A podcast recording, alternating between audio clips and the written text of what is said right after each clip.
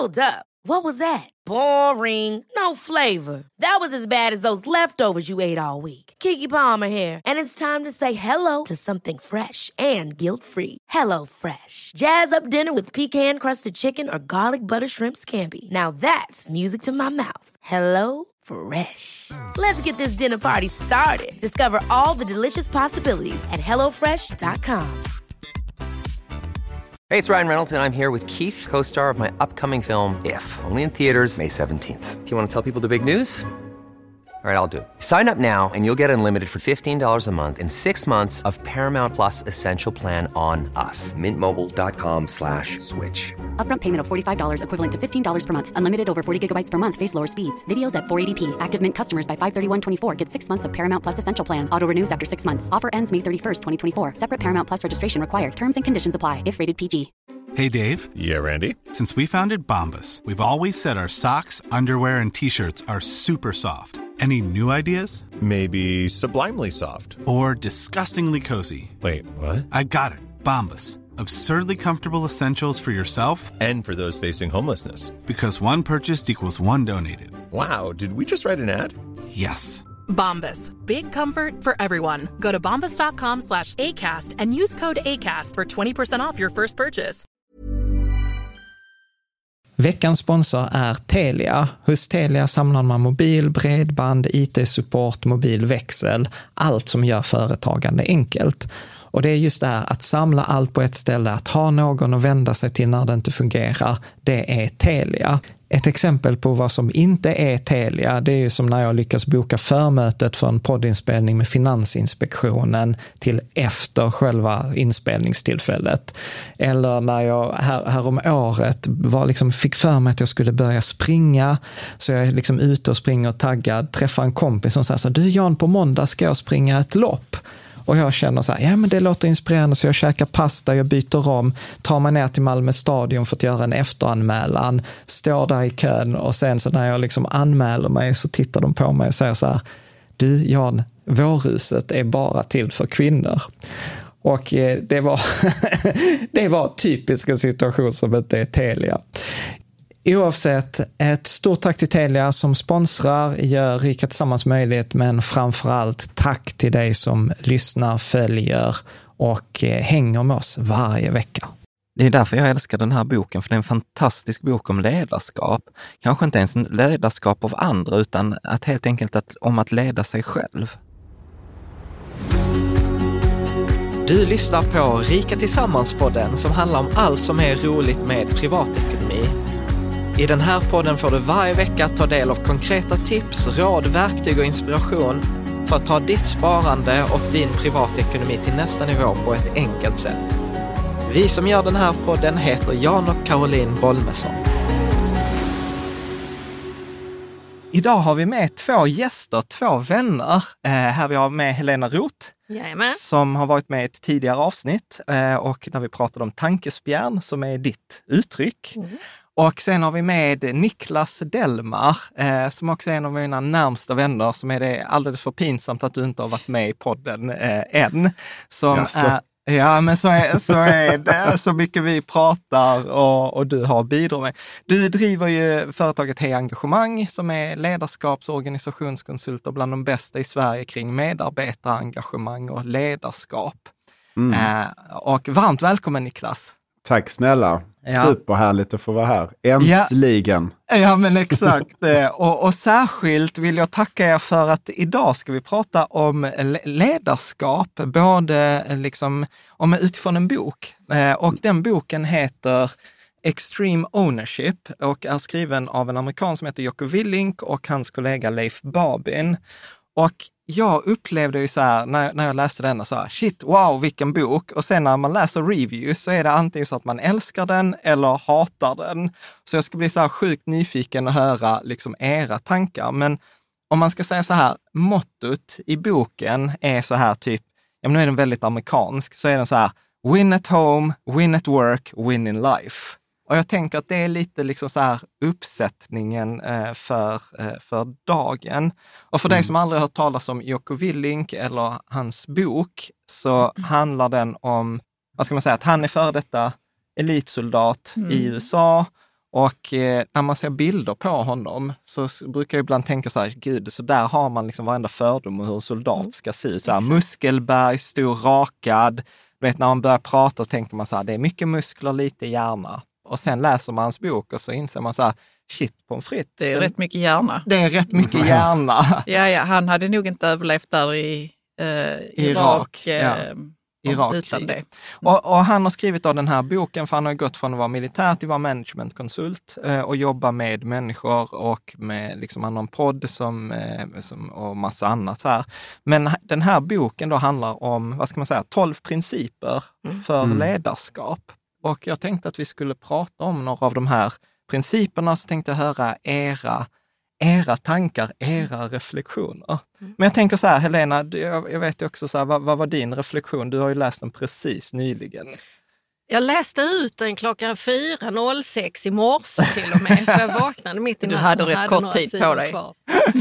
Um, jag var tvungen att skala av Ja. det där amerikanska och det där hypermilitaristiska. Vinna, vinna, vinna. Ja. Och, och liksom, fienden är evil. Ja, Men bakom det så finns det saker som jag verkligen kan hålla med om och saker som jag mm, skaver lite grann. ja. Ehm, För det men är- en intressant läsning. Ja, för det ska jag också säga så här, och jag vet Niklas, du har också läst, för vi, vi har ju haft denna så här som eh, liksom vår, under våra promenader, så har vi haft så här en princip i veckan när vi har gått vår veckopromenad.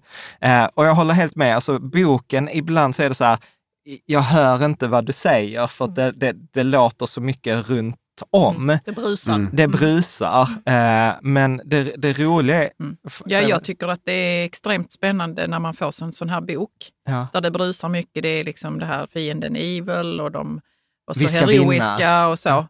Eh, att liksom utmana sig själv och bara, vad är det han försöker säga för någonting ja. egentligen? Liksom. Ja, men precis. Mm. Nej, så jag brukar skoja så att det var egentligen bara två sidor i varje kapitel som var intressanta. Det var det som hette Principle och sen hur han applicerar denna principen.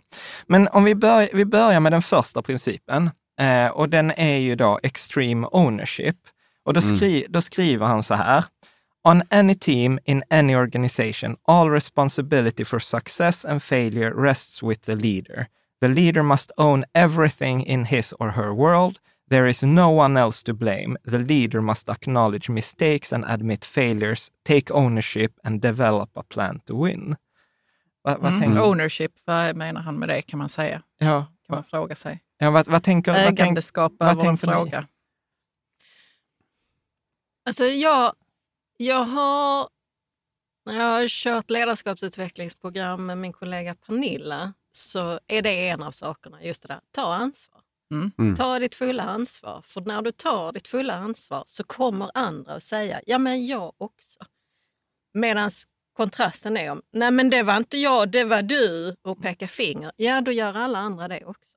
Mm. Så grundprincipen i det kan jag till fullo stå bakom. Sen är det igen det där, när man talar i absoluta termer som han gör väldigt ofta så, always, Mm. så blir det onyanserat. Så ja, och han nyanserar det ju själv i boken längre fram så kommer det. Det finns stunder när det faktiskt är helt fel att säga det var jag. Ja. Så att det är ju mer nyanserat än det där. Men som grundprincip tror jag att det är ganska bra tankespjärn för de flesta människor. För vi är väldigt, väldigt vana vid att komma med ursäkter och försöka tala runt och smita.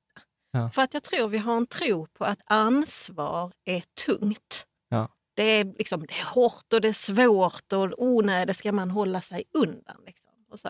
Ja. Eller inte. Va- Jag, ty- ja, men jag tycker det är... Alltså jag ställer ju en fråga ett par gånger om dagen när jag är ute och jobbar med de här frågorna. Just som vem är ansvarig kring, kring mitt engagemang? Och i Sverige idag när man gör det så, så svarar 99 av 100 att det är mitt eget ansvar. Och sen så är nästa bild i det bildspelet den här gympapåsen på pappas jävla ansvarsområde från den här reklamen.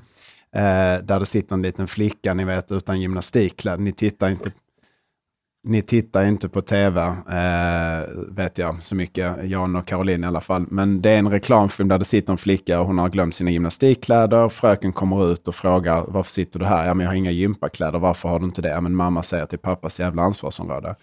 Det är inte, ja, och det är, det är inte genusgrejen man vill åt, utan man vill liksom åt det här att ibland säger jag att ja, men det är mitt ansvar. Och sen precis som Helena sa så pekar jag finger åt att det var de på marknad, det var de på sälj, det var de på kundservice. Kunderna förstår inte hur bra produkter vi har och så vidare. Och jag tror det är det han försöker liksom sätta fingret på här, som jag upplevde det han skrev, liksom att som ledare men också som medarbetare, i min värld och i vår engagemangvärld så säger vi ju att alla är medarbetare och ledare. Det kan vi gå in på lite senare, men Mm med det menar vi ju just det här att, och jag pratar mycket om 100% ansvar och när Helena då, du sa ju nu det här där med att sätta absoluta termer på det, så håller jag med om det, för det finns situationer när det är svårt. Och, och när vi skrev boken Börja göra så sa förlaget Liber, nej, du får inte säga 100%, skriva fullständigt, som om det var någon större skillnad. Men, men, men jag förstår poängen. Och det jag tycker är spännande här, det är ju att det kommer fler principer sen, där han fördjupar sig i detta och kopplar detta, men det är ju ändå någonting frigörande i att ta ansvar. För som Helena sa så tror jag det är många som upplever att man blir, ah, va? Nej men jag kan inte ta ansvar för vad mina medarbetare gör när jag inte, du vet så här. Ja fast ytterst är du ju ansvarig för det. Sen är det inte du som liksom har gjort sakerna, men det är vi i vårt team. Det är mycket det tror jag, att prata mer om vi och hur jag bidrar till er upplevelse av den här podden, av eh, vårt jobb. Ja, ni fattar. Så, så liksom jag, jag gillade det. Jag tyckte det var en skön start på den här boken. Eh, jag blev provocerad av det fast jag pratar om samma sak. men, men liksom, för han tar det nästan en nivå till. Ja. Jag gillar att det är absolut 100 procent. Ja. Jag tycker det blir urvattnat om jag ska tänka att det finns situationer när den... Ja, Ja, jag men- gillar inte det. eh, Att det blir, jag tycker det Nej. blir urvattnat då. Mm. Nej, Och men jag jag, förstår inte- vad du menar, ja. Karo. Ja. Mm. Men, men vad tänker för nu, nu pratar vi så här organisation. Hur tänker ni? Alltså för jag vet ju att alla, alla vi som sitter här försöker i alla fall ha en ganska hög nivå av ansvar, eller ha en hög nivå av ansvar i vanliga livet också. Hur, hur tänker ni? Alltså för mig var det en stor insikt så här, när, när jag hörde det, att, för att först så tänker jag, tänkte när någon sa ansvar till mig, så var jag så här, shit, alltså nästan som blame, alltså som anklagad. Och sen var det så här, ja fast om du leker leken att du är ansvarig för allt som händer och inte händer i ditt liv, då har du också Ja. makten att påverka det. Precis Jan, det är det som är hela poängen. Det är där kraften frigörs. För att plötsligt då så får jag ju syn på att, men vänta, antingen kan jag sitta som offer för det som sker runt omkring mig, eller så kan jag se hur jag faktiskt kan vara med och påverka, eller välja att inte påverka. För det, så är det ju samtidigt så här, eh, ni vet sinnesrobönen, liksom, utan att vi ska, det ska bli någon religionlektion, så är det ju just så här, ge mig sinnesro, acceptera det jag inte kan förändra, mod att förändra det jag kan och förstånd och inse skillnaden. Och just det här att bara se att vissa saker handlar om att ta ansvar för att det där kan inte jag påverka, till exempel. Mm. Och då kan jag välja, ska jag lägga energi på det eller ska jag inte lägga energi på det? Och där upplever jag att vi är många som fastnar i vinkelvolten, i saker som liksom, eh, vi lägger mycket energi på saker vi inte kan påverka. Men där behöver vi ta ansvar för att eh, lägga energi på det som vi kan påverka, tänker jag. Och det, det är intressant. Jag hade en, en coachklient som eh, en, under en coachwalk skyllde på chefen och skyllde på chefen och skyllde på chefen. Det var chefens fel. Allt sammans var chefens fel. Och under hand som vi pratade där så fattade hon till slut att fasiken, fast då har ju jag ansvaret för ska jag vara kvar här eller Mm. inte. Precis. Och så tystnade hon och så efter någon minut så sa hon, fast det är fan så mycket bekvämare att skylla på chefen. För annars måste ju jag ta det ansvaret. Ja, precis. Och där är ju, precis som säger, där är ju den där vinkelvolten. Mm. Fasiken, Mm. om jag, om jag, och då, då är ju det en perspektivskifte. För man kan vara där hon är, att man känner att gud vad jobbigt det blev, jag var tvungen att ta mitt ansvar då. Jag kan inte skylla på chefen utan jag Mm. behöver agera. Kontra, gud vad skönt det är att det är mitt ansvar. Jag behöver inte skylla på chefen för det är ju jag. Mm. Så det är två helt olika sätt att gå in i det.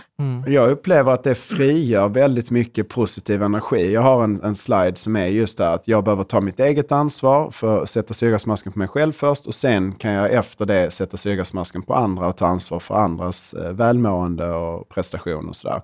Och när den landar i en organisation eller ett team så frigör det väldigt mycket kraft. Därför att det blir så häftigt när man inte pekar finger på varandra, när man inte pratar i negativa termer som det var pappas jävla ansvarsområde eller vad det nu är. Och då blir det ju hela tiden så, nu gick det fel. Vad kunde jag ha gjort? Alltså det är en nyfiken fråga som gör att vi tillsammans kommer göra varandra bättre genom att inte köra blame och shame. Liksom. Så att jag håller med dig Jani, som du sa, att när jag hörde ansvar kände jag så här, oh, blame och det var ditt och det var inte mitt och sådär. Fast det här är ju precis tvärtom. Det är ju det han vill liksom få fram här, att du frigör kraft i Mm. att ta ansvar. Mm. Nej men precis, och, och jag tänker detta är liksom lite huvudpunkt, så jag tänker vi uppehåller oss här lite längre. Men, men jag kan ju ibland också uppleva att detta är ett ganska, alltså att livet var ju enklare när man kunde lägga sig på soffan, dra en filt över huvudet och käka Var- glass. Det var det inte Jan. Det var det inte, för allting är ju skit i ens liv då ju. Ja, jag håller med dig Karo. Ja. Jag håller med Jag får dig. inga Det är liksom, blir, inget blir lätt. Ja. Men, men, det, men det är invant. Mm. Det är bekvämt så tillvida att det här vet jag hur jag gör. Mm. Mm. Att gå från det till det andra, till resa sig ur soffan och faktiskt, okej, hur kan jag agera?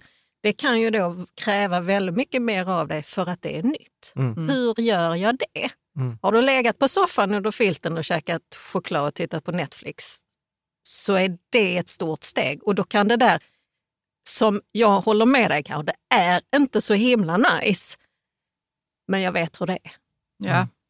Ja. Plus att det är väl lite normen. Alltså det är väl någonting som vi har, jag menar vi, vi är ju biologiskt designade för att överleva och föröka oss. Det är ju liksom, om vi tittar lite på vem vi är som personer. Så att alla chanser vi får som inte har med överlevnad och reproduktion att göra, kommer ju kroppen automatiskt vilja inte göra någonting. Så det här med soffan, om man nu ska gå till det och så vidare, det är ju lätt att hamna där. Plus att då omvärlden ser ju ut så, normen är ju det. Så så har vi ju sett våra föräldrar och vänner, du vet så här. Så precis som du säger Lena, det är ju det som är liksom normen någonstans. Det är ju mer ovanligt att höra folk som säger så här, nej men jag har också ansvar för, hmm, hmm, hmm, du vet. Vi väljer politiker i val, nu är det ju val eh, i år här i Sverige. Då väljer vi politiker, då är vi ansvariga, vi tar ansvar och sen så fort valet är avgjort så upplever jag att många resignerar eller liksom steppar tillbaks från det ansvaret. Att "Nej, nu plötsligt, nu är det politikernas jäkla ansvarsområde. Ja men bli politiker då. Alltså du vet så här. Så att det är ju liksom, det är lätt att vara ansvarig en stund och sen, Ja. ah, nu, nu gav jag över det till politikerna, nu har jag röstat, nu har jag gjort mitt. Liksom. Men, men där tänker jag också på någonting, om vi ska bli liksom också så personliga, så, så upplever jag att det, det har ju du hjälpt mig mycket med Niklas. Att jag kan ju ofta vara så här, ha ganska hög nivå av ansvar. Och, och så vi, Mm. du berättar, jag tror du sa det till mig, att det är metafor av att ja, men du sitter i motorbåten och så har du familjen framme i båten och så sitter du och kör. Och sen hamnar du i stress eller du hamnar i en situation det blir jobbigt. Och då är du så här, ah, men du vet, jag orkar inte ha allt det här ansvaret, det är pressande, så att då lämnar jag motorn och så Mm. sätter mig där framme i båten och sen blir jag efter ett tag arg på dig, Caroline, för att du, Ja, det inte, ja, för att du inte går bak och börjar köra båten. Utan att du har sagt till utan mig att jag ens, ska göra det. utan att jag ens säger till att Ja, nu, det är så stort av dig Jan att Ja, säga det. Att, att jag lämnar, eh, liksom att jag lämnar den där. För, för jag tänker detta funkar i en relation också. Alltså Mm. så här, jag är 100% ansvarig för mitt välmående i relationen. Mm. Och jag är 100% ansvarig för Karolins välmående. Att när vi bråkar, eller till exempel vi hade någon så här i- issue här för någon vecka sedan, och då var det ju eh, så här, du var arg på mig. Och sen har ju jag identifierat att ibland, så när, när du vill ha uppmärksamhet, Ja, det, det här är en story som Jan har ja men det är sorry, men jag har hittat... Vi låter oss gå med den storyn. Ja. Men, men då var ju du frustrerad, för jag har varit otillgänglig. Jag har jobbat mycket, jag har, jag har liksom varit i mina problem. Och det var istället för fan vad Carro är jobbig, så var jag så här, nej men jag har ju inte gett henne den uppmärksamheten så att din kärlekstanke är full. Så tycker du att jag, att jag går till konflikt då? Ja, det är men- mycket möjligt att det är så. Låt Ja. oss tro på det nu. Ja, men Ja. skitsamma. Men, eh, men eh, alltså så här, så att jag, jag kan ju tycka att det där är ju klurigt. Alltså för man kan Ja, vara ja. ja, men jag, har, jag tar personligt ansvar, Men sen hamnar jag så här, fan vad jobbig Carro är. Ah, Mm. Alltså förstår jag, att, att det blir liksom, Jo, jag vet, men det är väl just det som är det snygga, Jan. Alltså det är väl att så här, fan vad jobbig Karo är. Spännande. Varför dök det upp? Och sen blir nästa fråga, har det Aha. någonting med mig att göra? Alltså på vilket sätt har jag påverkat till den jobbigheten som jag nu upplever? Och det är ju exakt samma i en organisation kopplat till Helenas coachsamtal med chefen. Det kanske inte var så lätt för den chefen att vara chef över den personen som hade den inställningen till sin chef. Alltså, Mm. vet, och det är ju det som är så spännande. Alltså allt, allt vi gör på jobbet är relationer. Allt vi gör utanför jobbet är relationer. Det är ju överallt. Du och jag har ju snackat mycket relationer genom åren i olika Mm. sammanhang. Och det är otroligt spännande och ansvarsfrågan kopplad till det skulle jag säga. Jag har tre grejer som jag verkligen, det är tillsammanskapet, det är ansvarsfrågan och sen är det liksom vad vill vi ha för effekt av den här relationen? Det kan låta lite torrt när man pratar om en kärleksrelation, men liksom de tre, när man tar de tre sakerna så täcker det ganska mycket, men ansvarsfrågan för mig är helt avgörande för hur mina relationer är. Liksom. mm. Mm. Jag tycker ändå att det är svårt eh, i en relation, vad det nu än kan vara för någon, att, att jag, tar, eh, jag tar så mycket ansvar jag bara kan. Och sen så har jag då inte kommunicerat, alltså du vet den andra vet inte om detta. Mm. Så då får, sitter man där med svartepetter på något vis. Och Jag försöker liksom ta ansvar i relationen, att den funkar. Att vet, och sen så bara så vet inte den andra att vi, det är detta vi kör nu.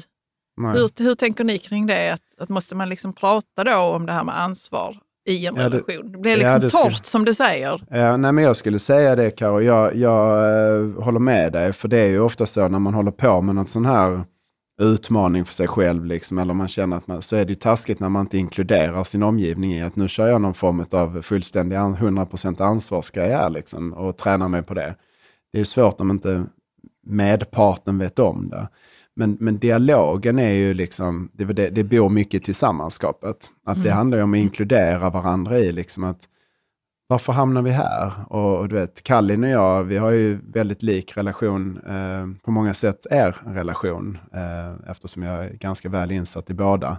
Eh, och vi har ju också samma utmaningar, så att jag är igång i vissa sådana här processer emellanåt, men inkluderar inte Kallin i att det är det jag håller på med. Och då blir ju samtalen väldigt konstiga plötsligt.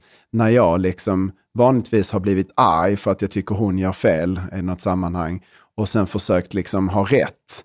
Eh, snarare än att titta på vad är, vad är mitt bidrag in i det? Hur har jag liksom bidragit till, till eh, den här situationen? Och när man vänder på en sån konversation blir den väldigt konstig, för plötsligt är inte jag arg, utan ställer ju frågan då, är det, jag någonting gjort? jag, ja, är det någonting jag har gjort eller är det någonting jag är eller inte har gjort just nu som gör att vi hamnar där vi hamnar? Då blir det öva. Var fan kom det ifrån? Liksom, skulle vi inte bråka nu? Men, men där kan man ju också koppla det till, till boken, till någon av principerna som kommer längre ner. Just det där, ja det är ju skitbra att du, nu tar jag mitt ansvar, fast jag har ändå inte förmedlat vad är vår plan, vad är, Nej. vad är poängen, var är det vi ska? Ja. Vad är, Liksom. vad, är, vad är missions intent? Vad är missions intent? Precis, va? var ska vi? Vad är syftet? Var kommer jag ifrån? Så då, och då, ja, då är vi hur- tillbaka Då kan där. man ju va? säga så att eh, ta 100, då har jag inte tagit 100 ansvar. Nej, Nej. precis. Precis. Så precis. det kommer Jag har alltid... inte kommunicerat detta. Nej, jag Precis. kommer alltid... Frågat vart vill vi? Ja. Mm. Jag, jag tänker att vi ska gå vidare, men det var faktiskt en grej till som jag tyckte i detta kapitel var så himla fint, som, som jag tror, är, eller som ringde, ringde liksom resonerade med mig. Då skrev han så här, Extreme ownership requires leaders to look uh, at problems through the objective lens of reality without emotional attachments to agendas or plans. It mm. mandates that a leader set ego aside, accept responsibility mm. for failures, attack weaknesses and consistently work to build a better and more effective team. Och nu mm. kommer detta. Such a leader does not take credit for his or her team's success, but bestows that honor upon his subordinate and expects this from junior leaders within the team. The mindset develops into the team's at, uh, culture at every level. At every level. Mm. Ja. Du säger ju en sak där ganska tidigt kring eh, set ego aside. Där har vi, ju, tror jag i alla fall, min upplevelse i många eh, samtal som jag har, dialoger som jag har. Där är ju utmaningen, den största utmaningen. Att liksom koppla bort mitt ego kring att ha rätt eller vad det nu kan tänkas vara. Eh, och det kan ju upplevas, har jag märkt, för lite mesigt. Alltså lite så här, vad har jag gjort för att du ska... Ja, men lite så här. Du vet, snarare än att det är coolt. Alltså det, det är ju starkt att kunna titta bortom sitt eget ego. Liksom. Det finns ju många program kopplat till att släppa sitt ego, inte minst tolvstegsprogrammet. men, men det där tror jag liksom är något som vi alla skulle kunna ha glädje av. För det är, det är först när du släpper ditt ego du kan låta någon annan få ta den platsen. Liksom, utan att du behöver ta cred för succén. Men, men jag menar, det är ju det som också extreme ownership handlar om, just det här att det blir ringar på vattnet. Det Mm. sprider sig. Tar jag extreme ownership så kommer mina kollegor och medarbetare att Min göra familj. samma sak. Min Mm. familj att göra samma sak. Om jag ser till att jag tar inte berömmet utan jag sprider det, ja då Mm. kommer ju alla andra också göra samma sak. Så igen, det är ju ett sätt att, att se till att det blir ringar Mm. på vattnet som gör att Verkligen. det sprider sig. Mm. Um, som jag tror är det som, som hela boken ju egentligen lyfter fram. Just Absolut. det här hur de är tillsammans, precis Ja. som du säger Niklas. Det är ju tillsammanskapet som är Ja, oerhört exakt. genomsyrar rubbet och det är ju just på grund av det. Jag håller det inte hos mig. Nej, Nej. precis. Nej. Jag såg eh, den här, ni såg eh, inte den, eh, vet jag Jan, för du tittar inte på sport på det sättet. Men Sara Hector vann ju OS-guld för två veckor sedan i storslalom. Och det är coolt när en individuell atlet, det första hon gör i intervjun, det är att lyfta alla runt omkring henne.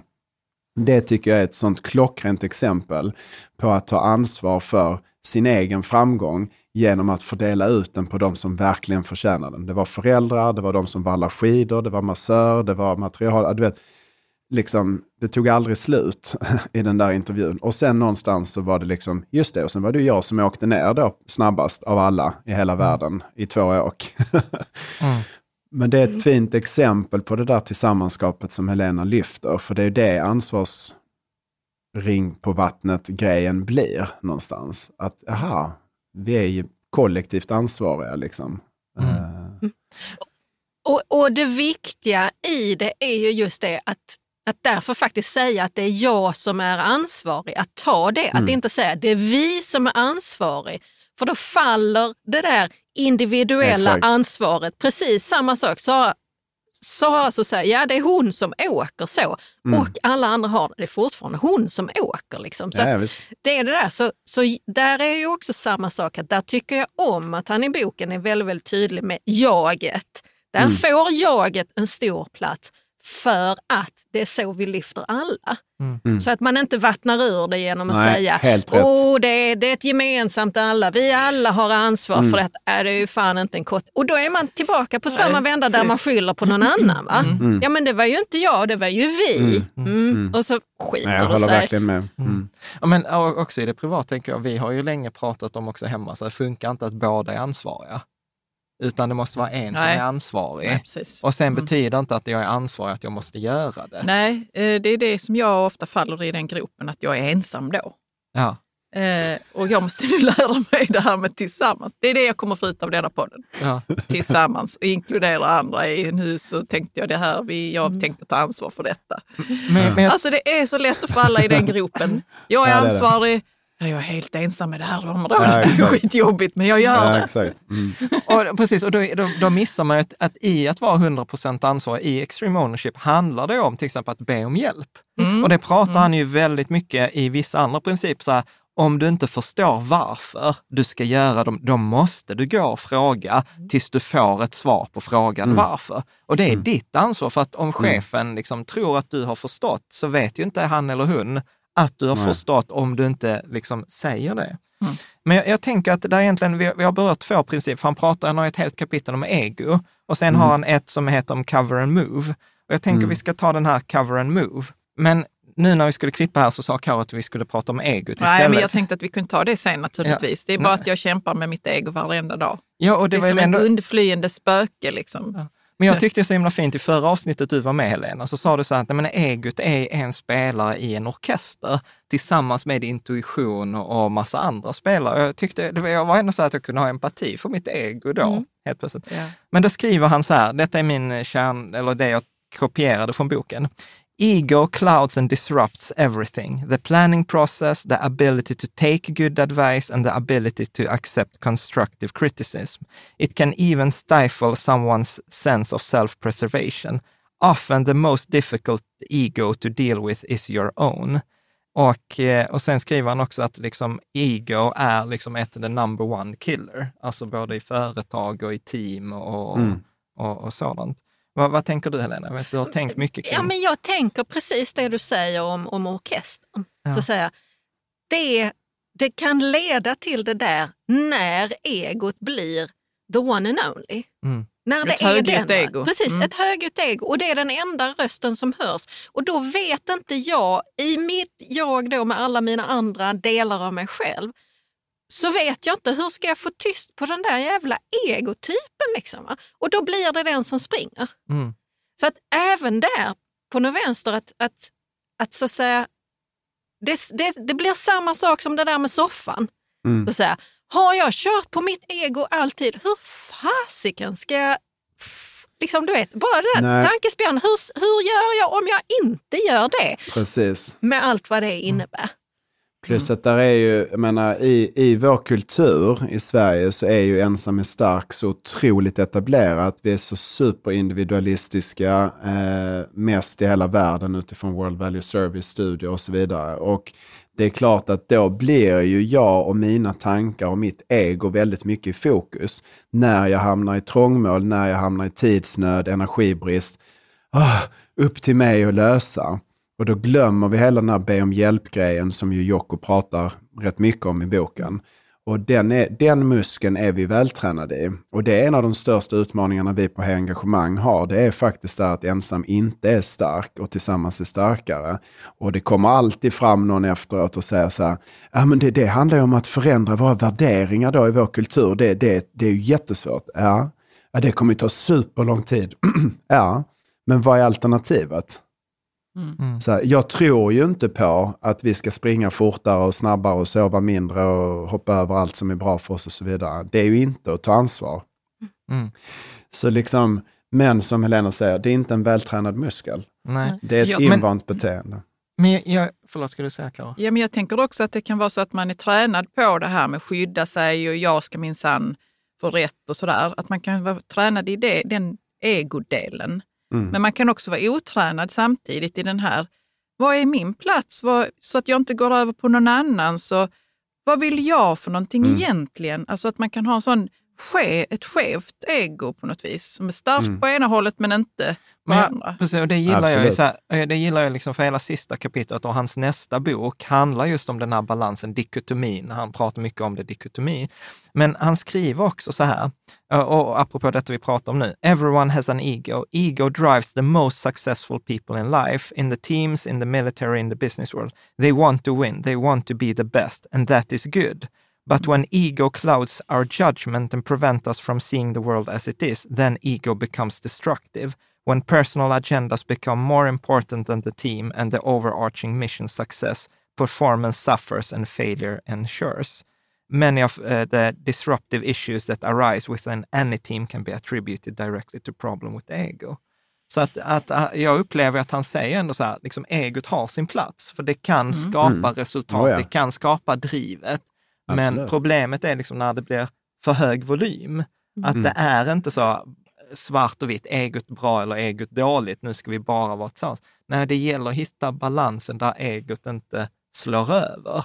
Mm. Eller vad Och- tänker ni? Ja, men jag Ja. tänker också när han säger sådär så, så uh, lite Det skaver tagg-. Det skaver lite Ja, grann. berätta Helena. Också Ja för att om jag tittar mig omkring i världen på allt vad dessa då, som han då säger, de här bra egorna som då liksom, de har åstadkommit massa, så tänker jag, hur bra har mycket av de sakerna varit egentligen på en lite större perspektiv? Vi lever i en tid där vi har gjort väldigt mycket bra, men där är lite skit som, som liksom snurrar Mm. med klimat och med miljöförstöring och med, med resurs...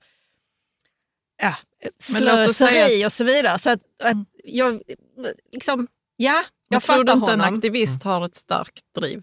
Jo, Och, och, men, och, men det är väl där som jag igen då, jag lägger in andra nyanser i vad han säger och, och liksom Ja. vidgar perspektivet lite grann utifrån vad jag ser det.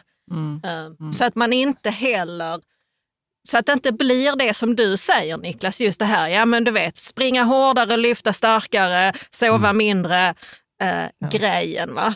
Nej, Men, men då tror jag att det kommer egentligen till en så här, vad är mission success? Att, att det blir där definitionen, eh, där definitionen blir. Mm. Liksom så här, va, när har vi lyckats? du Liksom. menar att, att uppdraget är det som... är oklart. Kan vara. Liksom, eller att vi, att vi springer åt fel. Det spelar ingen Ja, roll om vi gör är- fel sak på rätt sätt, Nej. om vi inte vet vad liksom, rätt sak är. Ja. Liksom. Ja. Men jag tänker om vi, om vi går vidare på den vi var på väg innan, den cover and move. Mm. Eh, och då säger han så här, eh, cover and move, put simply, cover and move means teamwork. Och så säger han så här, all elements within the greater team are crucial and must work together to accomplish eh, the mission, mutually supporting one another for a singular purpose.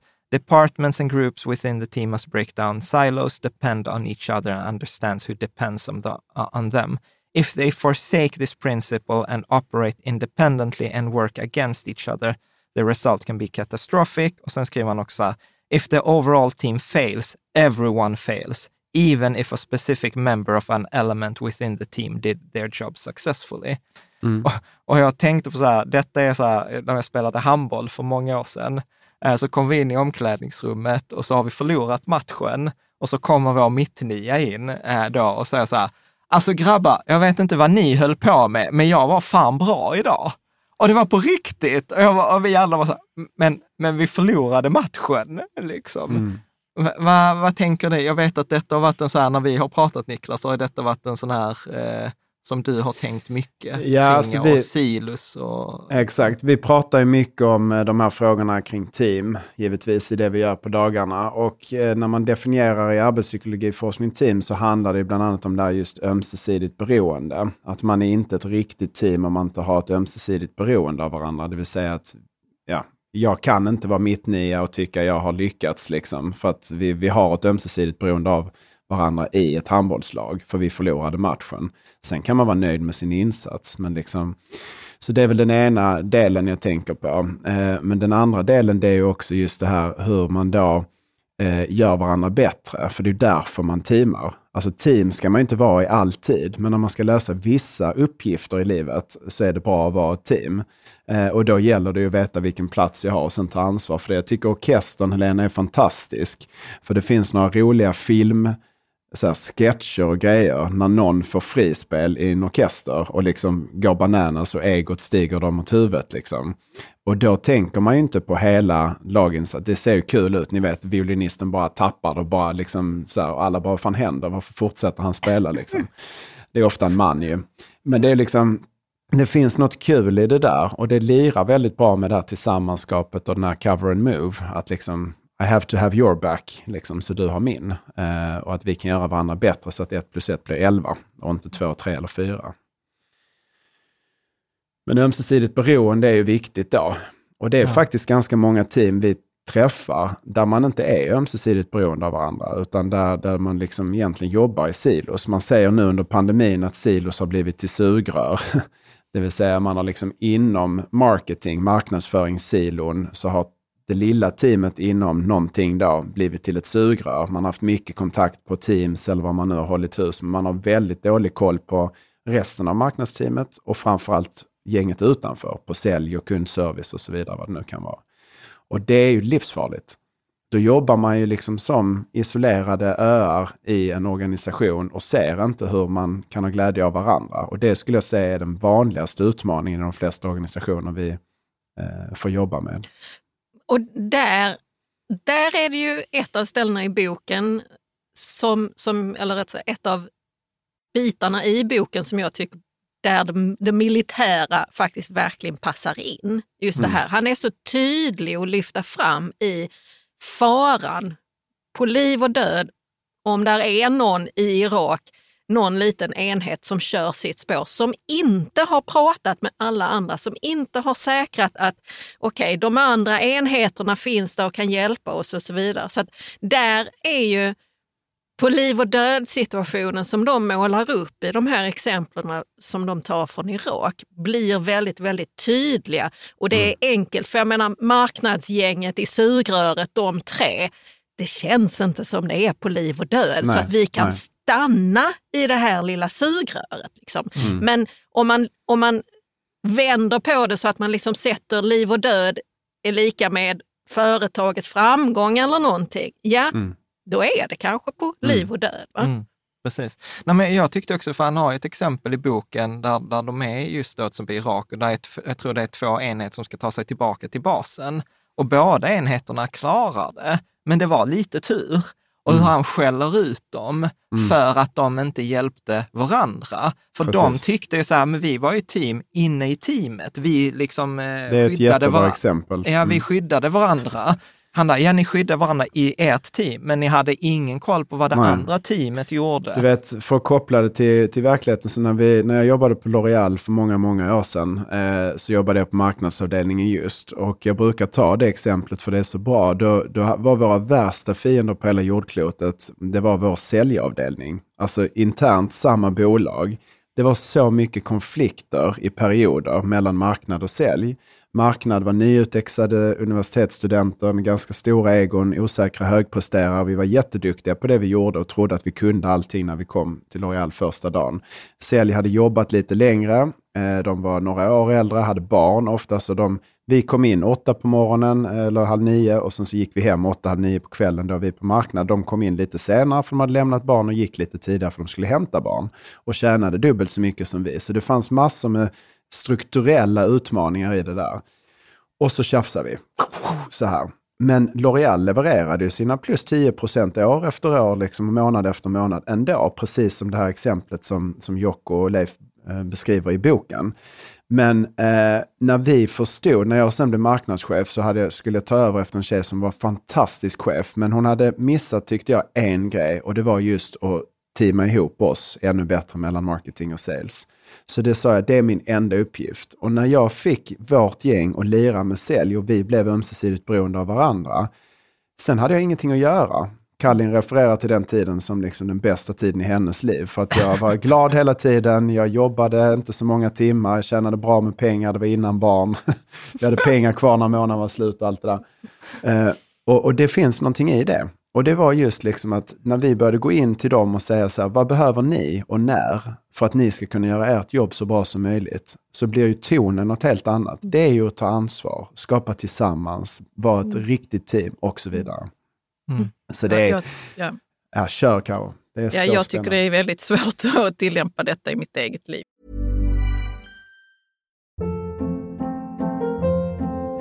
Hold up. What was that? Boring. No flavor. That was as bad as those leftovers you ate all week. Kiki Palmer here, and it's time to say hello to something fresh and guilt-free. Hello Fresh. Jazz up dinner with pecan-crusted chicken or garlic butter shrimp scampi. Now that's music to my mouth. Hello Fresh. Let's get this dinner party started. Discover all the delicious possibilities at hellofresh.com. Hiring for your small business? If you're not looking for professionals on LinkedIn, you're looking in the wrong place. That's like looking for your car keys in a fish tank.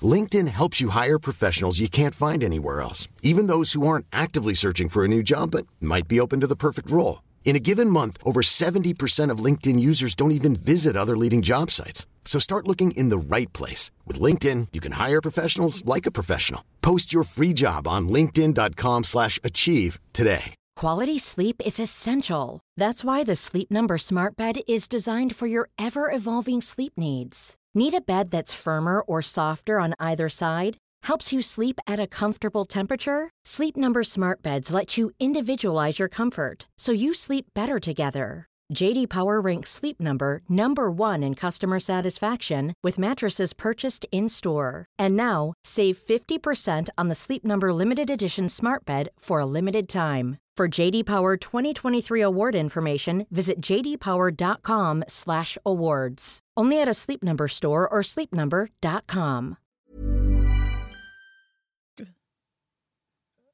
Säg någonting mer. Ja, Jag, jag vet inte vad jag ska göra med detta faktiskt. Berätta. Nej, men vi är ju team, du och jag, Jan. Ja. Ja. Men eh, alltså jag känner att det blir helt stopp här nu, att jag inte kan tänka klart. Liksom. Hur tillämpar vi det här ömsesidigt beroende? Alltså vi gör det, absolut. Alltså, så här, alltså, allt det där som kom då när vi var hos eh, parterapeuten. Och han var så här, mycket, du vet, okej nu hämtar jag barnen eller nu sticker jag till ICA, ska jag fixa någonting? Ja, jo, alltså så absolut. Eh, Alltså, det så här, känns i som det- att det det- är det låg nivå på det. Alltså. Nej, Jo. nej, det, nej, men det tycker jag inte. Alltså, för det Men kan jag kanske så- längtar efter något eh, större ömsesidigt eh, beroende. Kanske. Exakt. Exakt. Så kan det vara. Ja, Ja. precis. Och, Det, och, du är inte ensam om det, Karo. Eh, Att man bara- längtar efter det. det Ja. är, eh, att du, har du sett det, att det är liksom är många som, som Absolut, blir det har jag, glada Karo. av det eller liksom när de väl får det? Det har jag. Och jag kan, jag kan bara, så ba- inte bara behöver handla om er relation, kan jag hämta hem det till min egen. Kallin sa för någon vecka sedan, Niklas det är jättekul att du har hittat eh, egna intressen som du tycker är roliga nu, för jag har verkligen haft fokus på det. Men det känns som du bockar av din helg. Så här, du går upp en viss tid, går ut och promenerar med Jan ungefär samma klockslag varje lördag. Sen spelar du en paddelmatch, sen kommer du hem och sen äter vi en trevlig frukost. Du vet, som att det är schemalagt så här. Men var kommer jag in i den? Hur är vi ömsesidigt? Du vet, ja. Så att jag tror det där är ganska vanligt. Så nu har jag fått levla det till vad tycker vi är kul tillsammans? När är vi ömsesidigt beroende av att vårda vår relation? Inte att jag bara tar ansvar för att jag ska må bra för att sen kunna, liksom, för jag har glömt bort det lite. Och jag känner ju dig Jan, delvis, eh, eller ganska bra. Och vi är lite lika där tror jag. Så att eh, du har, jag gissar att din känsla är väldigt rätt, Karo. Eh, Ja. Att ömsesidigt beroende är inte lätt faktiskt i kärleksrelationer, speciellt inte om man har varit ihop ett tag. ja. Nej, men det borde ju det borde gå. Jag känner hopp när, Absolut. när du berättar det här, Ja. Niklas. Och Ja. sen skulle jag väl liksom så här också säga att du längtar efter att ha några skrivarkompisar. Alltså så Ja, här, men det, vi har- kan, behöver inte dra in det nu. Jag jobbar på den fronten Ja, men och försöker absolut. skaffa mig det. Ja men absolut, Men, och det är eh, det jag menar. Att, att, att Jag, jag, tror tänker att... det jobbet, liksom. eh, alltså tillsammans eh, med dig till exempel. Jag försöker jobba med att, att skaffa mig skrivarkompisar och så. Ja. Eh, som jag är ömsesidigt Mm, mm. beroende av. Ja. Jag tror vi människor har en längtan Ja. Efter, efter att vara i team. Mm. Liksom. Men det är Helena- också sårbarhet faktiskt i det, måste jag tillägga. Att det är sårbarhet Definitivt. att vara i ett team och det kanske är något man måste vänja sig vid. Men du vet, det är vi- okej liksom. Det är ju så vi har klarat oss i alla år. Alltså nu finns det ju jättemycket forskning kring ensamhet och ofrivillig ensamhet och vad som Ja. sker med både kropp och knopp när det drabbar oss. Och är vi för mycket ofrivilligt ensamma, och det kan vi vara i relationer, så mår vi ju dåligt. Och vi, alla våra sinnen kommer ju till sin spets. Därför att du behöver ju nu, Karo, plötsligt ta hand om alla faror som kan dyka upp. Om vi kopplar tillbaka till det här med överlevnad och reproduktion, så är det framförallt kopplat till överlevnad.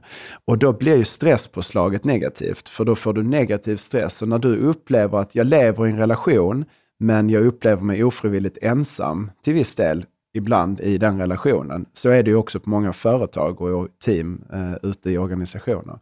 Då, då är det inte skönt, därför att det blir ett negativt stresspåslag. Ja, och där är ju också, så att säga, olika individer har ju olika behov av, av så att säga, rent krasst antal. Mm. Ja. Jag har en, jag har en, eh, ja, jag mår bra av att ha ganska många som jag upplever nära relationer och är bra på att skapa nära relationer. Så jag har många jag kan vända mig till. En av, igen, normerna idag är ju, ja det är tvåsamheten och det är där du ska hitta allting. Liksom. Mm. Så att, ja precis, det kan man skratta åt. Och det är ju rent absurt. Va? Det har Ja, inte det det. varit så innan. Nej. Det är inte så människan har, har kommit fram, utan vi är gruppdjur. Exakt. Så där är ju också grejen, det där att inse, ja det är absolut relevant av Kalin att lyfta den frågan och säga, okej vi har kanske tappat oss här, eller jag har tappat oss här i det. Och också då se till att, fast har jag, har jag en rimlig ehm, förväntan på vad, vad vi, tvåsamheten, ska kunna ge mig. Vad Mm. är det jag tror att jag ska kunna få från nu ska jag få allt från Jan. Hmm. Nej, det kommer inte att gå. Hur underbar du än är så går det liksom inte. Va? Så att där är ju också den där grejen att man igen får hämta hem det till det där extreme ownership över sig själv där också. Och då tydligheten sen ner i teamet, ner i mission. Mm. Vad säger han? Directive? Nej, Ja, intent. med- med Precis, commanders va? intent, Vad ja. är det vi får ut av vårt vi? Mm. Nej men precis, och vad behöver eh, de olika delarna i ett sånt här team? Ja. Mm. Ja, men det är det som Moa brukar också, vår gemensamma kompis, brukar ju säga så här, att det behöver inte vara allt för varandra eller att ens partner ska vara ens allt. Nej men det är jag helt med på, absolut. Men jag tänker att det ska till en kommunikation ju. Absolut. Det måste det ju vara. Man kan inte bara sitta och tänka så här, men det är, jag kan inte förvänta mig allt av den här vänskapsrelationen eller min relation med barn eller man eller så. Eller på jobbet heller. Nej. Men eh, det är den här eh, kommunikationen som jag tror att jag kan eh, tappa ibland. Ja. Mm. Ja. Och du vet, det, det är... Jag tror att det är där vi har en stor potential för förbättring i samhället generellt. Att, att samtala mer, alltså dialog. Det är så mycket fokus på debatt och diskussion. Framförallt i Sverige så är det diskussioner som ska leda till konsensus, som blir en kompromiss och sen går alla ut ur ett sånt möte och gör ändå det man hade intentionen Mm. man skulle trumma igenom själv när man går ut ur mötet en partiledardebatt, SVT-debatt. Liksom. Det är helt meningslöst format. Så här.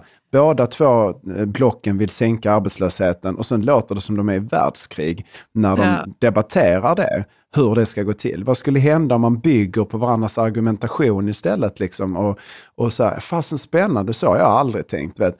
Så det finns massor kring detta kopplat också till tillsammanskapet och jag tror att där tar vi varandra för Vi pratar för lite och lyssnar framförallt kanske lite för lite på varandra. Både i organisationer och utanför. Ja, Men jag kastar in en ny princip och detta har kanske varit den mest provocerande för mig i hela boken. Mm, Eh, spännande. Och eh, den låter så här. No bad teams, only bad leaders. Och, och, och, och då skriver han så här. When leaders who epitomize extreme ownership drive their teams to achieve a higher standard of performance, they must recognize that when it comes to standards, as a leader, it is not what you preach, it is what you tolerate. When setting expectation, no matter what has been said or written, if substandard performance is accepted and no one is held accountable, if there are no consequences, then poor performance becomes the new standard. Ja, och jag tyckte liksom så här, jag vet att du och jag har pratat om denna Niklas, där detta var liksom så här en brain, eller så här tankespjärn på riktigt. För att man kan, jag vet inte hur ofta jag har tänkt så här, om jag bara hade bra medarbetare, eller om jag bara hade de med som jobbar på McKinsey, eller så här, då hade allt fungerat. Och då bara märker jag direkt när jag liksom säger liksom det där, så har jag ju tappat extreme ownership. Mm. Eh, vad, vad tänker du Niklas? Ja, den, den, jag vågar aldrig, eh, jag säger den i säljmöten ibland eh, och kopplar det till den här boken, just att det finns inga dåliga team, bara dåliga ledare. Eh, för jag, jag vågar sällan gå hela vägen dit när jag jobbar med ledare, eh, ska jag villigt erkänna, därför att det fastnar, det landar på fel sätt. Jag har oftast inte tiden att liksom ta hem hela samtalet.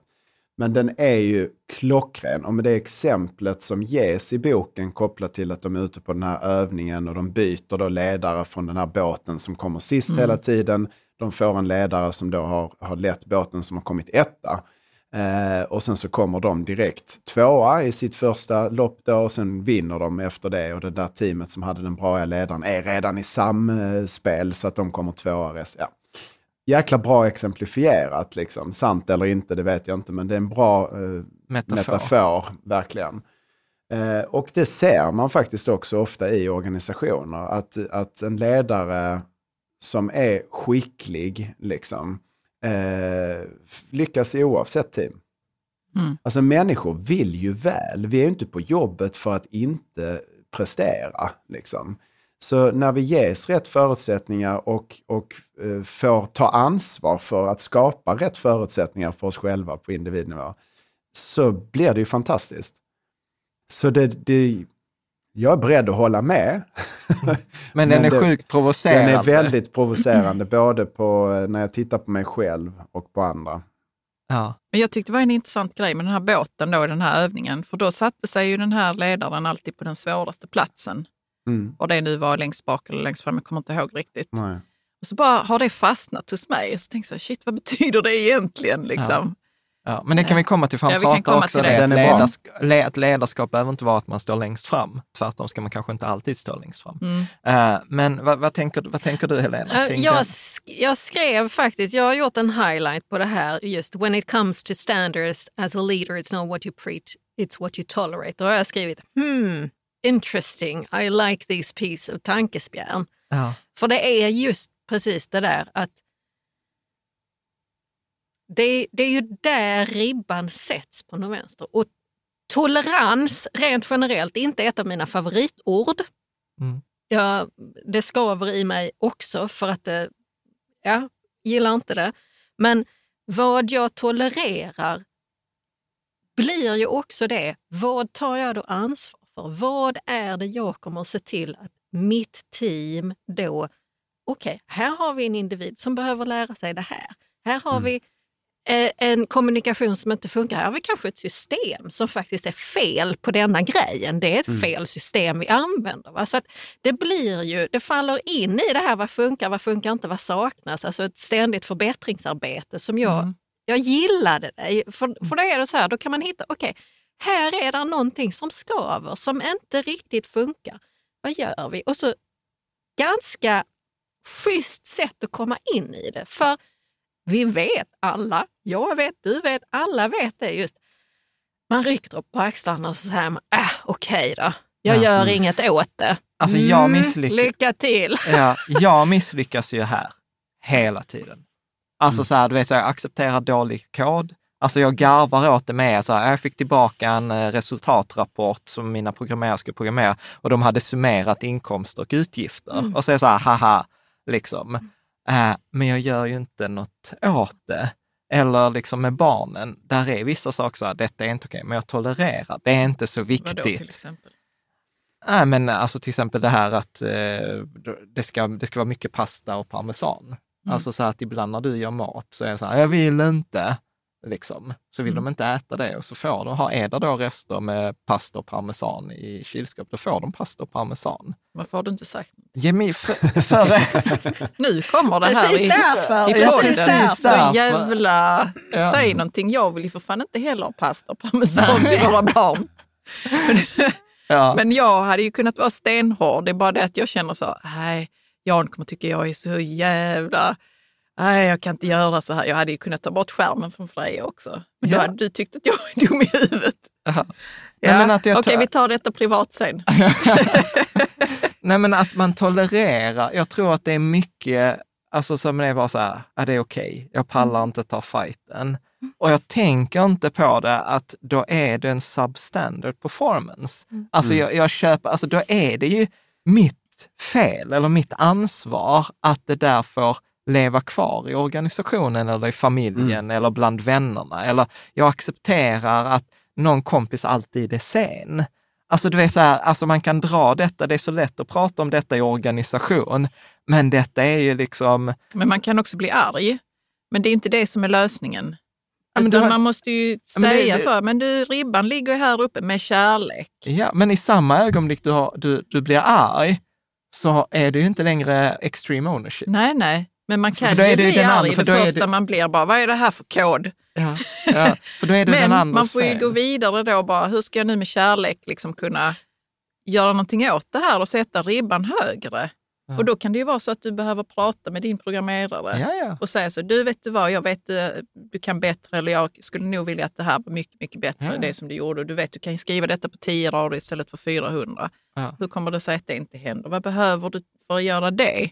Ja. Det är ju med kärlek Och, och, och vilja tror jag, utveckla sin medarbetare. Ja. vikten av att man i detta tar sitt eget ansvar och inte gör den lätta vägen, vilket är att man landar in i, eh, så att säga, tell don't show. För det är mycket, mycket mer relevant att jag kör show don't tell. Det vill säga att jag visar. Att jag är missnöjd. Ja, Nej, Jan. Att jag visar att jag visar vad är det som är standard. Ja. Okej. Att Ja, jag ja, visst. lever upp till den. Så säger jag. Att jag inte börjar predika Ja. och, och så ska jag berätta så ska jag vara där och nagelfara. Utan att jag, att, du vet, att jag äger det, att jag Mm, är, att du är det. det. Mm. Jag är det till fullo. Va? För där tror jag också att det lätt kan bli det där att vi snackar oss själva till döds. Det kan bli för mycket Mm. på det viset. Va? Så att verkligen Absolut. att äga det i mig själv. Det måste Och man det- göra som förälder till exempel. Hela Annars går tiden. går det inte. Hela tiden. Ja. Och samtidigt i allt detta så vill jag bara krydda på det här faktum att jag är bara människa, ni är också Mm. bara människor. Jag snackar fortfarande inte om att man ska vara 100% på topp alltid så och aldrig få göra några fel, för det gör vi hela tiden. Va? Men att man i det också Mm. äger det. Mm, absolut. Ehm, Jag tycker tänk- den är så bra den där, eh, du vet som man har sagt i så många år, så här, barn gör inte vad vi säger, de gör som vi gör. Men jag vill ju dra den till nästa då, precis som Helena säger, att eh, barn blir som vi är. Liksom. Mm. Det är inte bara görandet, utan det är ju varandet också någonstans. Och det är ju samma med ledarskapet. Eh, för det blir ju det som blir standarden någonstans. Sen betyder inte det att man ska vara perfekt eh, och att man aldrig kan göra fel. Tvärtom kommer ju hela sårbarhetsdelen som du Karo var inne på in där. Att också erkänna att ja, här blev det fel och här lärde Mm. vi oss detta och du vet så. Ja. Så att det bor ju väldigt mycket och det tycker jag, sårbarhet när man kopplar på det så, så slipper i alla fall jag känna liksom det där som du nu var inne på Elena, att eh, så här, jag är människa. Alltså det blir inte alltid rätt och kan jag bara erkänna att det inte blir det alltid så är vi ju liksom ett steg närmare ansvarsfrågan, tillsammanskapet. Eh, Det blir inte så eh, obehagligt att liksom våga prova nya saker och så vidare. Nej. Nej, men jag älskar ju det som en gemensam bekant till oss, eh, Lennart, brukar säga så här, vi gör så gott vi kan och vi fattar så fort vi hinner. Men, men för, för mig, alltså, om, jag, om jag skulle ranka många av de här principerna han pratar om i boken, så är jag så här, på många av dem, detta har jag hört innan, detta applicerar, detta tränar jag och sen här, no bad teams, only bad leaders. Så det var så här, okej, här är jag nog totalt sämst. Om jag är så här fem, sex av tio på de andra, så här är jag typ ett eller två. Liksom. Att, Men jag- det är väl jättekul att kunna utveckla Ja, ja, ja. Ap apropå, äh, absolut. Att liksom eh, vara sämst, det är ju jättespännande. Ja. Den, är, den är rolig just för att den, den, den, den spänner ju, alltså den, den, den tankespänn är väl ett bra, bra ord Helena, liksom. den gör ju att jag verkligen så här, oj, eh, och så kopplar den väldigt snyggt tillbaka till ansvar. Eh, för att jag kan inte säga då att jag har ett dåligt team som inte performar för att, precis som inte den här medarbetaren kan säga jag har en dålig chef och det gör att jag inte performar för att. Så ja, jag tycker den är cool. För för mig handlar det också om att medarbetaren då eh, kan ta den där rollen som ledare. Vilket ju är liksom en, en annan princip i ett annat sammanhang tillsammans med... Jo, men var det inte det vi skulle komma till också? Ja, men vi kan ta, vi kan att ta det. ledaren är inte alltid står Ja. i, le, vad heter det? Ja, men Bäst, vi, vi, bäst läge leder. Mm. Ja, men precis. Vi kan, vi kan ta det. Han, eh, Jocko kallar ju det för decentralized command. Mm. Och Mm. på Patreon så har vi en gemensam kompis, Jonathan, som också har hållit en föreläsning där han kallade det för bäst läge leder. Men Mm. Niklas, vill inte du ta den? För jag vet du brukar ha den i din föreläsning som du håller ute. Jo, men vi... Ja, exakt. Nej, jag, jag pratar ju gärna om bäst läge leder kopplat till att det är inte alltid just chefen som ska leda eh, i alla situationer. För att eh, hen har inte bäst läge att leda i alla situationer. Och i militären återigen då blir det väldigt tydligt. Liksom. Eller i det här polisexemplet eh, som, som Jonathan har tagit eh, och lägenhetsspråk. Att då är det grannen först som har ledarskapet när det är ett lägenhetsspråk och så ringer de en larmcentral och sen är det larmcentralen som nu har ledarskapet och inte grannen och sen blir det till en polisbil och sen så släpper polisbilen ut en polisman eh, eller kvinna. Eh, och då är det den personen som har ledarskapet. Och samma sak är det att när jag satt på L'Oreal i mitt hörnkontor och marknad och sälj hade börjat samarbeta så hade inte jag, och jag säger hörnkontor för jag hade ett gigantiskt hörnkontor där det typ aldrig var något folk för att det funkade så bra mellan marknad och sälj. Så jag hade liksom inte så mycket att göra. Och det gjorde ju att mina kollegor då, som var mycket bättre än jag på, på, på jobbet, liksom, eh, det gjorde att jag var nästan, jag behövdes faktiskt nästan inte på slutet som ledare överhuvudtaget, utan det här teamet ledde sig själv. Liksom. Eh, och det är svårt för mångas ego att acceptera att vänta här tjänar jag mycket pengar, får inte göra så jättemycket. Men det jag har gjort eller gör, det är att se till att det där fungerar. Och det värderar organisationen. Liksom. Så nej, vi pratar mycket om bäst läge leder och det är en vattendelare i vissa organisationer där man vill ha att det är chefen eh, som liksom bestämmer så här. Eller medarbetarna. Eh, det, det blir alltid ett spännande samtal. Mm. Men handlar inte det, för, för vad jag upplever är många av de andra kapitlen, för att till exempel ett som vi inte har pratat om, till exempel Believe, alltså du måste vet, förstå ditt uppdrag, du måste Och tro och förstå varför. Att, att ah, mycket leder till den här decentralized command. Du kan inte, Mm. liksom, du vågar som ledare inte ge ansvaret vidare om du inte har tillit, om du inte har eh, ansvar, att du vet att de andra tar ansvar. Alltså att det, vad tänk, Ja, att de men det är vet ju igen vad det de där behöver veta för att kunna ta ansvar. Är det Ja, det? Ja, eller och då det- bygger du ju igen på det där med att bygga relation. Mm. Ja. Eller, eller jag tänker så här att, att om, om det funkar, liksom, om alla i organisationen tar ansvar och att detta är något jag kan påverka, då blir det också ganska en, naturlig följd av det blir att du har decentraliserat ledarskap.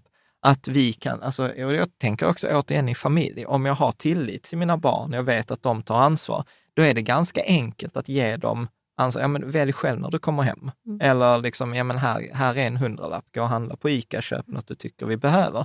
Men om det inte finns ansvar, det inte finns ti- tillit, det inte finns en tydlig uppgift vad vi ska lösa, Mm. då blir det ju omöjligt att ge bort att, att ledarskapet, Mm. eh, tänker jag.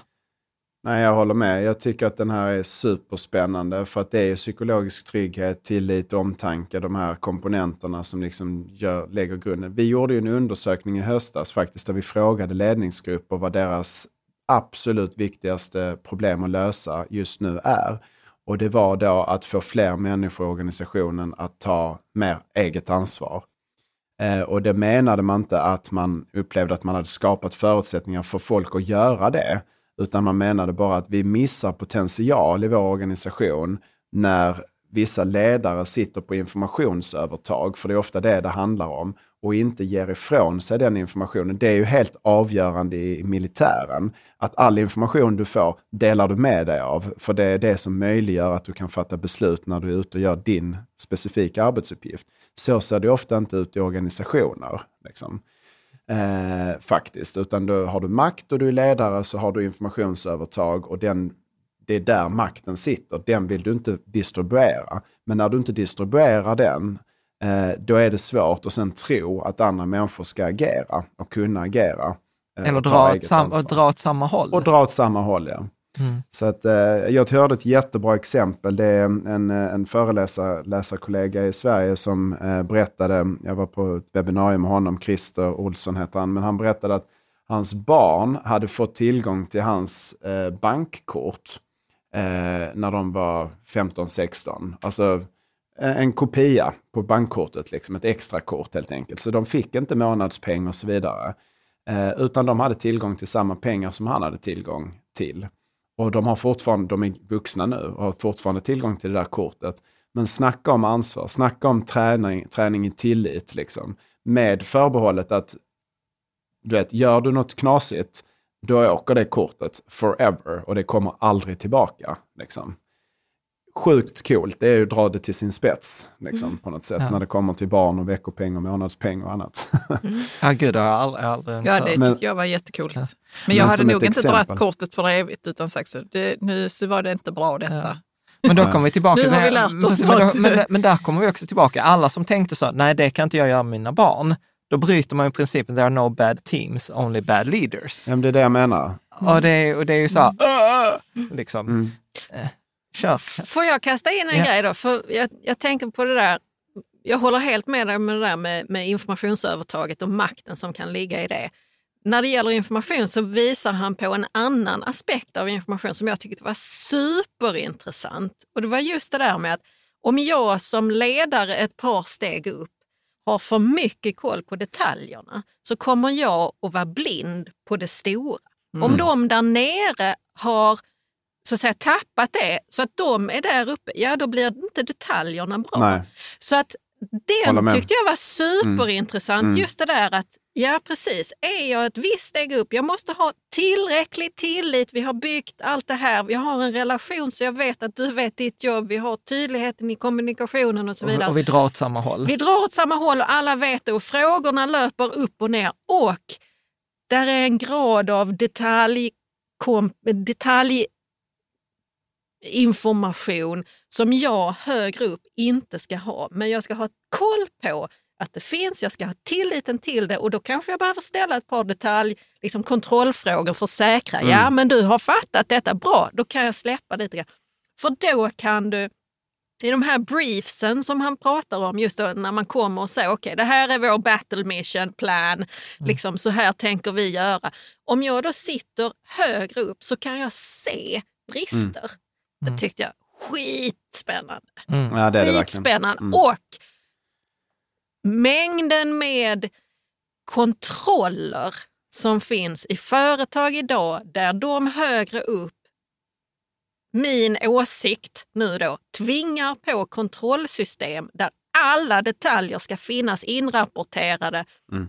in absurdum. Ja, det är brist på tillit. Jag, tror jag Mm. totalt faller här. För då blir det så Mm. att då sitter man med för mycket och så ser man fan inte skogen för alla träd. Nej. Och du ska se skogen när du sitter på en viss Mm. nivå. Ja, ja. Nej, men jag, jag, har- jag håller helt med. Helt med. Men jag har varit med om ett annat scenario där jag var på universitetet och doktorerade och då var min handledare ganska upptagen så att jag blev ju liksom släppt fri på något sätt kan man väl säga. Och det tyckte jag var jobbigt. Då hade vi ju, jag förstod inte heller att jag måste hela tiden kommunicera vad jag behöver och sånt. Det kom ju senare. Eh, ja, mycket har kommit senare efter det, liksom att jag blev släppt fri och inte visste vad jag skulle göra för någonting i labbet. Eh, Men sen så när jag då hade gått halva tiden och skulle göra min halvtidskontroll, då var jag i princip så helt självgående ju. Mm. Och sa så till min handledare, jag, jag behöver inte dig så mycket. Mm. Så då, alltså det var så sjukt konstigt att inte ha en chef egentligen. Ja, fast, Och sen så när chefen ville vara där så var det så, ja, men jag behöver inte dig nu. Ja, men, precis, men det där var en dysfunktionell Det var en relation. väldigt dysfunktionell För, att och om det ni var- hade jobbat tillsammans hade ni skapat bättre resultat. Ja, alltså vi hade ju absolut gjort det. Och man kan ju titta tillbaks och se så, vad var det som inte funkade? Vad, vad brast mitt ansvar egentligen? För Ja, att ja. jag hade ju också ett ansvar Mm. som anställd ju. Ja, ja. Mm. Men jag, jag, tänk, jag tänker spinna vidare på det som du var inne på, Helena. Att, att han, återigen, det blir ibland blir det tydligt för att det är militära exempel. Så pratar han om till exempel när de går och ska liksom säkra ett hus. Så sa han så här, ledaren, du vet så här, om ledaren går först och ska vara inblandad i att eh, liksom säkra varje rum, så har de ju ingen koll på vad som händer utanför huset.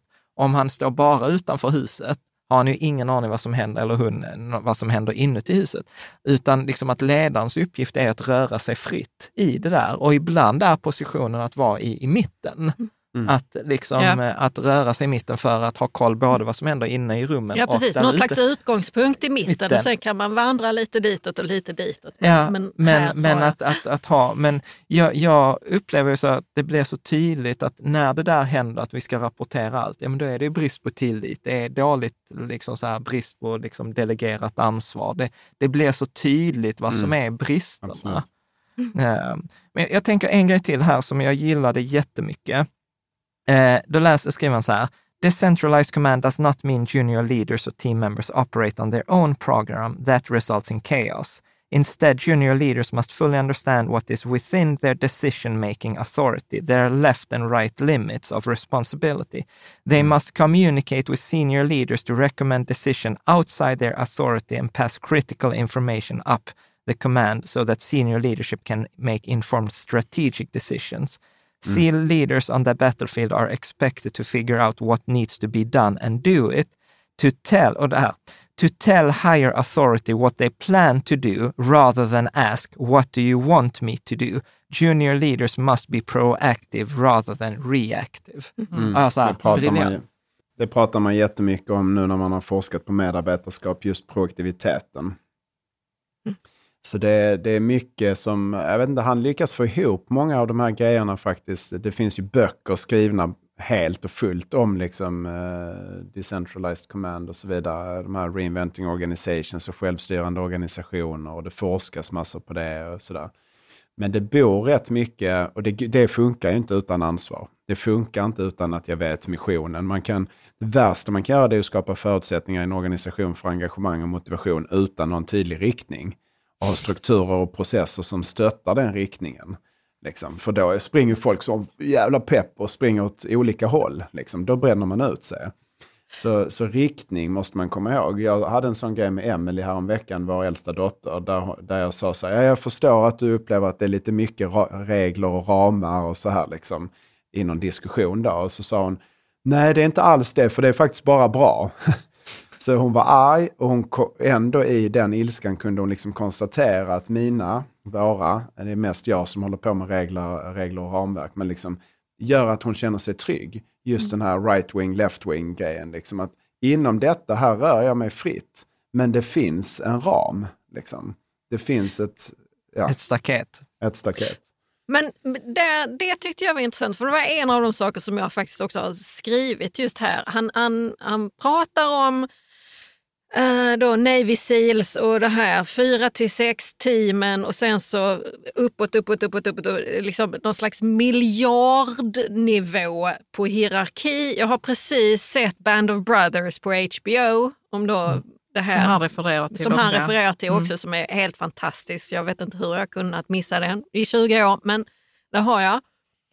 Som då är andra världskriget. Men precis som du säger, när du lyfter in reinventing organizations och TIL-organisationer och hela de här biten.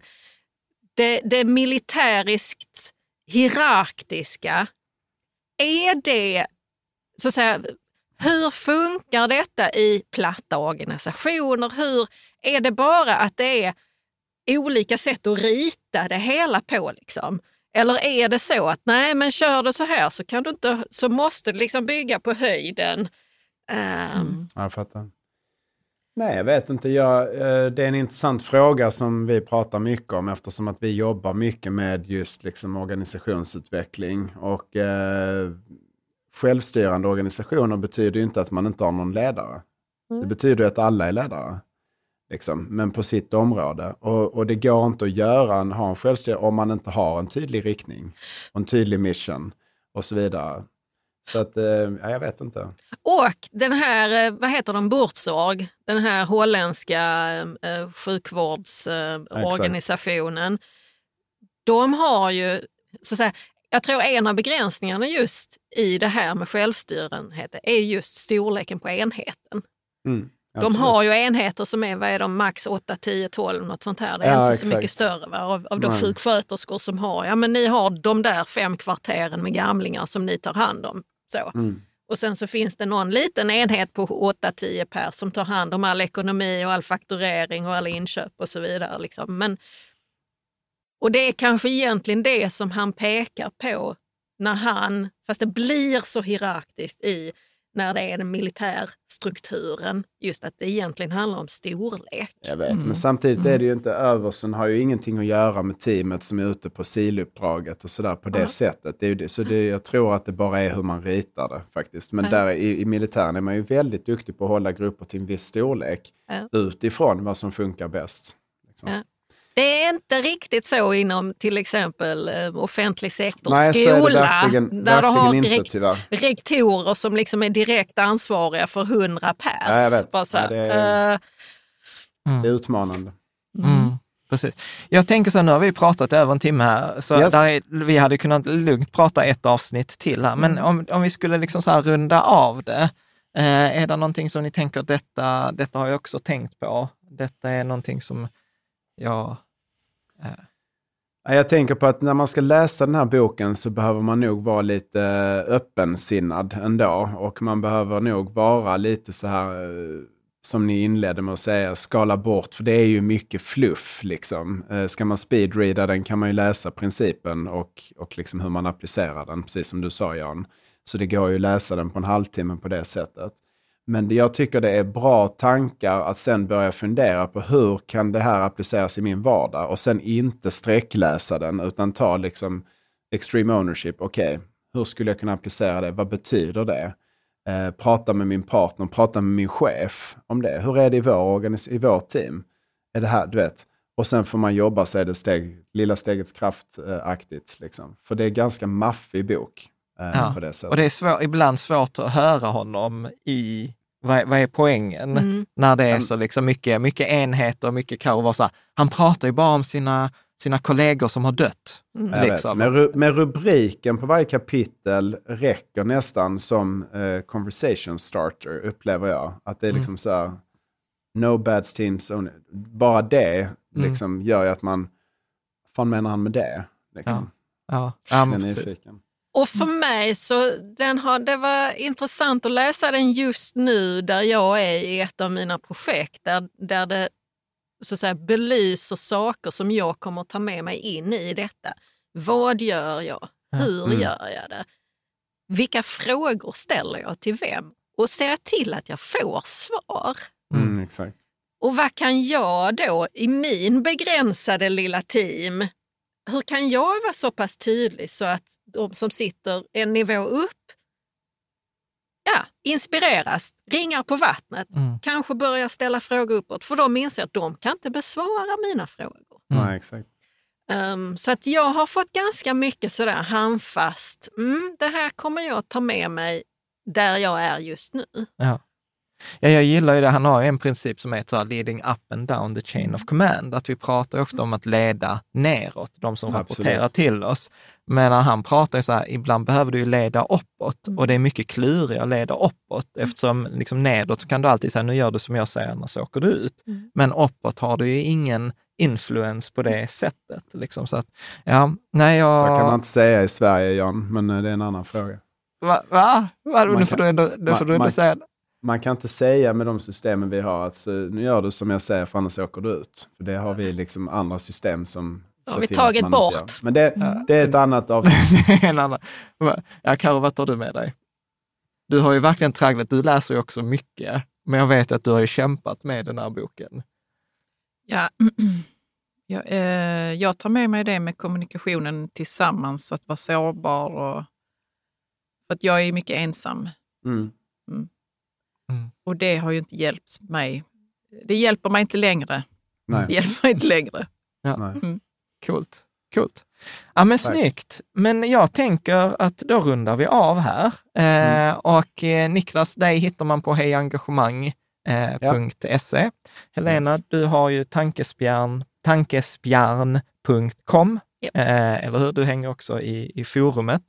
Eh, och jag tänkte bara säga så här, tack för ett fantastiskt samtal utifrån, och, ibland har jag känt så här, gud dåligt samvete att jag har tvingat er alla liksom läsa den här, för jag kan ändå gilla det militäriska ibland.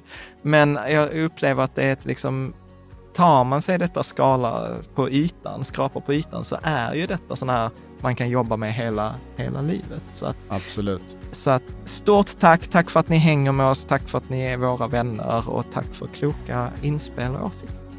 Tack ska ni ha. Jättekul.